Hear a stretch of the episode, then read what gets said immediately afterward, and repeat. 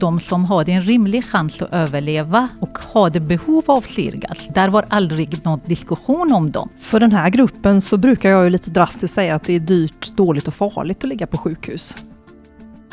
Hej och välkommen till Salgrenska podden där vi ska prata om vården av äldre under coronapandemin.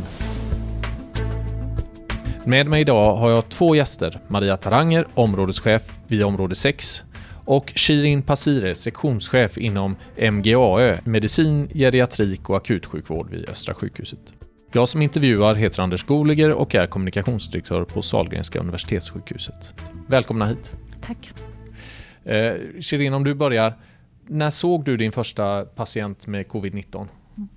Det var nog i mars månaden när eh, det började med covid-patienter i Göteborg.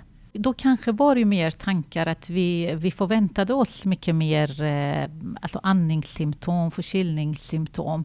Men det här ju handlade om en äldre person som hade ju mycket magsymptom och diarréer och så. Och då kommer jag ihåg i början var det inte så mycket fokus på sådana symptom.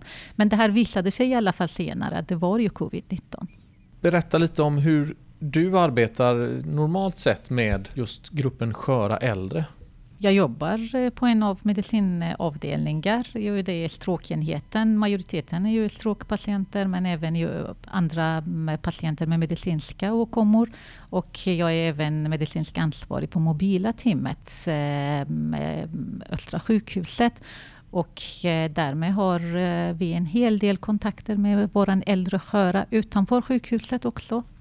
Men Maria Tarange, är det inte lika bra bara att ta in de som är sjuka på sjukhuset? För den här gruppen så brukar jag ju lite drastiskt säga att det är dyrt, dåligt och farligt att ligga på sjukhus. Eh, vi vet att många i den här kategorin kan bli förvirrade. De vill inte vara till besvär, de går upp och försöker känna sig ut med väggarna och gå på toaletten, går och ramlar, de bryter benet. Eh, de blir ibland av oss i bästa välmening lite nedbäddade, tappar muskler. Och om vi dessutom pratar om de som redan ligger på en, en vårdplats på ett särskilt boende eller på en korttidsenhet, som i och för sig också då klassas som deras hem, men där det faktiskt finns personal dygnet runt, så blir det väldigt konstigt att komma in till ytterligare en plats med bemanning dygnet runt på sjukhus, när vi istället bara kunde addera då det här Shirin beskriver med läkare och sjuksköterska då, eh, med en specialistkompetens ut. För man har ju redan sin vårdplats där. Nu befinner vi oss mitt i den andra vågen då tror vi ju här. Mm. Hur ser situationen ut nu? Alltså nu tycker jag det eh, är ju lättare på det sättet att vi har ju strukturer redan. Vi har ju tidigare pratat vad vi ska ha. Vi har ju dessutom lärt oss en del från tidigare. Eh, nu till, exempel nu den här gången när det visade sig att antal covid-patienterna ökar, antal inneliggande patienterna ökar. Det var ju väldigt snabbt att man, nej, då behöver vi utöka timmen eh, från tre till fyra tim. Då blev ju det bara typ på en dag, så det blev ju beslut. Så det, händer ju snabba saker hos oss man har ju hört båda er i, nu är vi ju Sahlgrenskas egen podd här så att säga, men båda ni har ju också medverkat i någon sorts den nationella debatten egentligen kring detta med just de äldre och pandemin. Det är väl en av liksom årets absolut största debattämnen. Eller, ja, det finns ju oerhört starka åsikter om att det har gjorts si eller borde gjorts så. Vad, vad, vad är er kommentar liksom till det här? Hur har samhället klarat av det här med de äldre och pan, under pandemin? Nu har av något skäl eh, mycket tryck kanske utanför sjukhusen och sånt gjort att alltså, debattämnet har ju spårat ur, känns det ju ibland. De här äldre patienterna har ju under många år ju vårdats på, på plats och, eh, alltså sen, på ett äldreboende eller äldreboende hemma hos sig? Eller, eller hemma. Ja. Och senaste mm. åren, självklart har vi jobbat mer och mer med nära vård. Hur ska vi hjälpa patienterna på platsen? Och eh, hur ska de få den bästa hjälpen som man får där? Det är mer och mer personcentrerad vård. Och det pratade vi nära vård, personcentrerad vård. Och det har ju funnits, alltså det, vi har en hel del jätte äldre sköra patienter som kommer att dö förra året kanske dog de av influensa, av magsjuka, av en eh, lunginflammation. Det här året dog ju en del av covid-19. Vi har en hel del äldre som har som naturliga förloppet att de kommer att avlida av en diagnos, men de, de, är så pass sköra, de kommer ändå inte leva länge. Det, det här är ju, så, så, sådana personer har ju funnits tidigare, både i hemmet och på eh, äldreboenden. Debatten sen, alltså under våren, under pandemin, har ju blivit mer inriktad mot syrgasbehandlingen. Alltså hur, varför ska de inte få syrgas? Mm. Vilket man inte tidigare diskuterat när de hade till exempel influensa eller lunginflammation eller annat. Det finns ju sådana här berättelser då om att det är någon som har en svårt sjuk eh, förälder eller så som, som ändå får, kommer in på sjukhus och så vänder man det och det är klart då kan man få ett halvår, ett år till eller vad som helst. Det är mycket värt om man vill vara i liv och kan vara i liv så att säga. Det går väl att förstå den sidan av debatten eller? Jo, eh, risken tror jag ju bara är eh, om man tar in någon till sjukhus. Det måste, man måste ha en rimlig eh, chans att tro att det är till för någonting, att det blir bättre, att det är det som gör att man får leva ett halvår till. Jag är ju rädd att det här som, som hände under våren, att ni plötsligt debatten svängde, att fler äldre eh, än vanligt under några veckor kom i väldigt hög utsträckning till Östra, så jag är rädd att de faktiskt dog på grund av att de förflyttades och inte fick vara kvar och få den här omsorgen.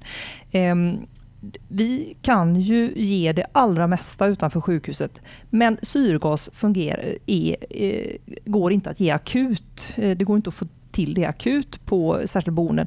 Nu är det så som Shirin beskriver att de här äldre har inte samma symptom upplever vi, utan de, det är mer den här allmänna, man är trött, man kanske har magbesvär. Um, så det, är inte, det är inte de här som, som, som ligger och flämtar och har ett stort syrgasbehov. De kan bli väldigt tåliga sin covid-19 ändå, men det är inte det, är inte det som är, är, är, grejen. För de patienter som vi ser skulle ha stor nytta av syrgas och behöva det, vare sig det handlar om symptomlindring eller för att komma igenom sin covid-19. De ska få det, men de ser vi ändå fortfarande ska komma in till sjukhus för att få det. Det är svårt att rigga där ute, men det är en väldigt liten andel som, som behöver det på det sättet. Och något som blandas in också om man, är ju att om, om du har eh, en andfåddhet i livets slut så är ju syrgas en ganska dålig behandling mot andfåddhet faktiskt. Utan mot andnöd så är ju eh, den bästa behandling morfin subkutant. Förstahandsmedel, andrahandsmedel är ju en bensodiazepin subkutant. Och det här är ju egentligen något vi känner till på sjukhus också. När någon kommer in stormande med ett, ett lungödem så ger vi morfin som en del av behandlingen.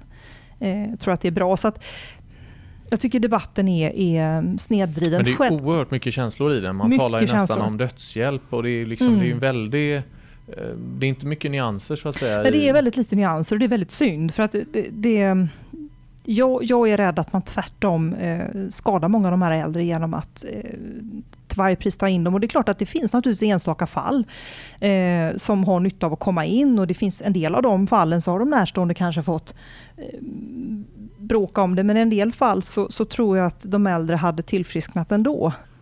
Det svåra tycker jag med covid-19 det har väl varit att det har varit ännu svårare att få ha sina närstående hos sig i livets slut.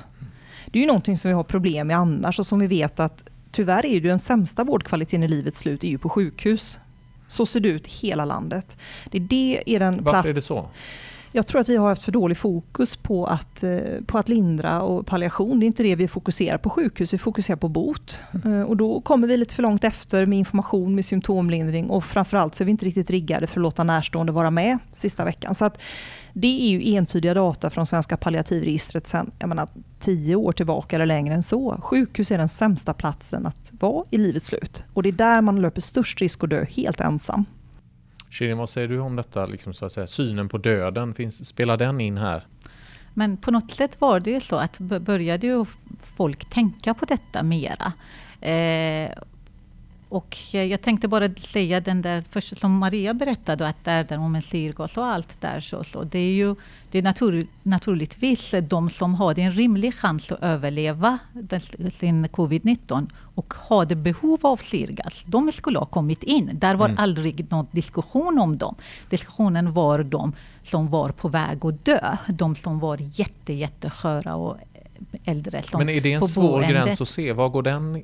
Och det, är, och det är ju det som är ju läkarjobbet, och, alltså det är ju sköterskor, det är ju vårdpersonalens jobb där. Annars har det varit väldigt lätt om det har ju varit där, eh, om man skulle ha bara gett den här behandlingen till den personen. Och då, då var det inte läkarkonsten och sköterskekonsten, det är ju det ska vara individuell plan, det ska vara personcentrerad. Och där, när det var döden var nära i samhället där, det var ju otroligt viktigt att ansvarig läkare på boendena, alltså på varje boende, gå igenom sina patienter, ha en plan. Det kanske fattades på en del ställen. Där ju, vad gör vi om den här personen blir ju sämre? Vad gör vi? För att oftast kanske man tar beslut om man ska återupplivas, om man får hjärtstopp. Men det är en sak, det har inte med försämringen av sjukdomen att göra. Och det var ju lite mer aktivt ställningstagande. Vad gör jag om den personen blir så pass sjuk när lungorna kan inte ventilera mer syrgasen? Hur, hur ska man göra då? Och där tycker jag det skulle ha funnits en rimlig chans för att alltså, eh, åt, alltså att eh, kunna överleva den här, den här infektionen. Om inte, det tycker jag absolut mer skada på sjukhuset än det skulle vara nytta. Och som Maria berättar ju det där att vi är ju inte så mycket bra på palliation vad man är ute på hemsjukvården eller på, bo, alltså på boendena. Eh, där är mycket mer satsning på detta. Och när det var ju covid-19 och mycket med jobb och med skyddsutrustningar och jobbar och med övriga vårdpersonal, då fick inte våra eh, äldre personer den där vården som vi försöker att ge på sjukhus. Många kanske dog ensamma i rummen och där är, ju inte, där är man inte glad över. Man verkligen eh, satsar ju på att man ska inte dö ensam. Sen, sen tog ju man mer och mer anhöriga till sjukhuset, men alla kunde inte komma om man hade ju äldre anhöriga eller sjuka barn eller sånt. Det, det kunde man inte, man tackade nej för att komma in. Och där många gånger har man i efterhand tänkt sig, var det en, var det en bra lösning att Du den här personen kom in? Och det var många gånger jag satt mig och tänkte och verkligen tänkte riktigt, riktigt eh, djupt tänkte, var det en bra lösning att boendet skickade in den här personen? Eh, men det blev ju så som det blev. Jag tycker ju hela samhället höll på att ändå lära sig väldigt bra av detta. Att döden kommer ändå. Hur ska vi planera? Hur ska vi vara förberedda för att för att folk får en värdig död. Men sen plötsligt kom den där hela debatten med att eh, alla ska ha rätt till syrgas, alla ska komma in. Och det blev väldigt urspårat detta. Och sen under några veckors tid såg vi verkligen, alltså det var fruktansvärt, såg vi äldre bara körs i hela stan med ambulansen in. De dog i ambulansen, de dog i våran akutrum, de dog bara några timmar efter ankomst till avdelningar innan alltså eh, sköterskan hinner gå in och ta ankomstsamtal. Det var, det var, det var inte bra. Maria, vad, vad fungerar det bättre nu tycker du? Vad är din bild av andra vågen så att säga? Det är lite eh, trevande. Jag är lite rädd att debatten kommer kantra en gång, gång till. Jag, det var ju som Shirin beskriver här, det var några veckor när det var väldigt, väldigt många eh, gamla som verkligen kom i ah, livets absoluta slutskede. Och där vi prat, frågade mm, läkarna, hur kom det sig att ni bad skicka in den här personen? Och de sa, vi tycker egentligen inte heller det, men vi kan inte stå emot debatten. Vi, vi blir liksom kallade mördare och så, vi, det går inte. Eh, sen försvann det och bli- blivit bättre, men, men man känner sig inte helt trygg med att om, om opinionen svänger igen, kan vi stå trygga? Men, men det handlar väl om kunskap, tänker jag. Vi måste tala om att hur lindrar man olika symptom och att covid-19 är ju framförallt en sjukdom som det handlar om att rida ut med egen kraft. Mm. Eh, vi har lärt oss en del med blodförtunnande behandling i förväg och det är ju något man får ta ställning till de här gamla om de har mer nytta än om riskerna för blödning är större. Det är inte självklart. Det får man bedöma från fall till fall. Eh, kan kortison vara aktuellt? Ja eller nej? Mm. I övrigt handlar det faktiskt mer om att liksom, hjälpa kroppen att rida ut den här infektionen av sig själv. Och det tycker jag egentligen sunt förnuft borde säga att en gammal skör person som är känd, har folk när känner omkring sig.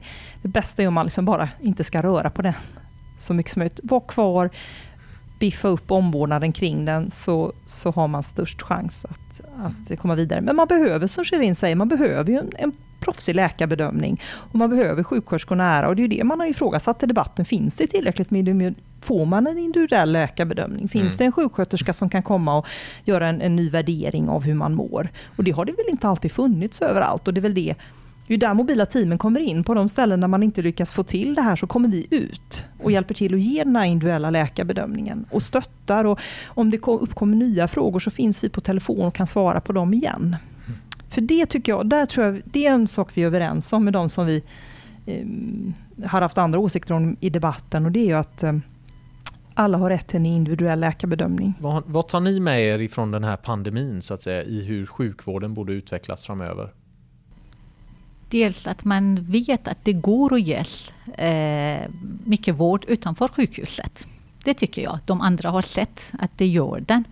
Kommer ihåg till exempel vår första blodtransfusion gick under pandemin. För att tidigare var det väldigt, väldigt starkt motstånd att blodtransfusioner ska inte gå i hemmet, inte på boendena heller. Eh, så vi, det började vi för att det gick inte. Den personen hade misstänkt smitta, var inte välkommen på någon mottagning för att det skulle ju sprida smittan och hade ju väldigt lågt blodvärde. Var i behov av blodtransfusion. Hur ska vi lösa detta? Då tänkte vi, vi gör det nu. Då. I början självklart var det mer för att ge tryggheten till hemsjukvården. Var vi där hela tiden? Var vi med under hela eh, transfusionstiden? Men sen märkte man att det går ju. Det, mm. det var inte så farligt som vi trodde. Det är bara att prova på, hitta nya metoder. Det går ju att våga och komma, komma utanför boxen. Maria Taranger och Shirin Pasire, tack för att ni var med i Salgrenska podden idag. Jag som har intervjuat heter Anders Goliger och jag är förstås nyfiken på vad du som lyssnar tycker om podden. Så hör gärna av dig till mig och berätta eller skriv ett mejl och tipsa om vad jag borde ta upp här i podden. Tack för att du lyssnat.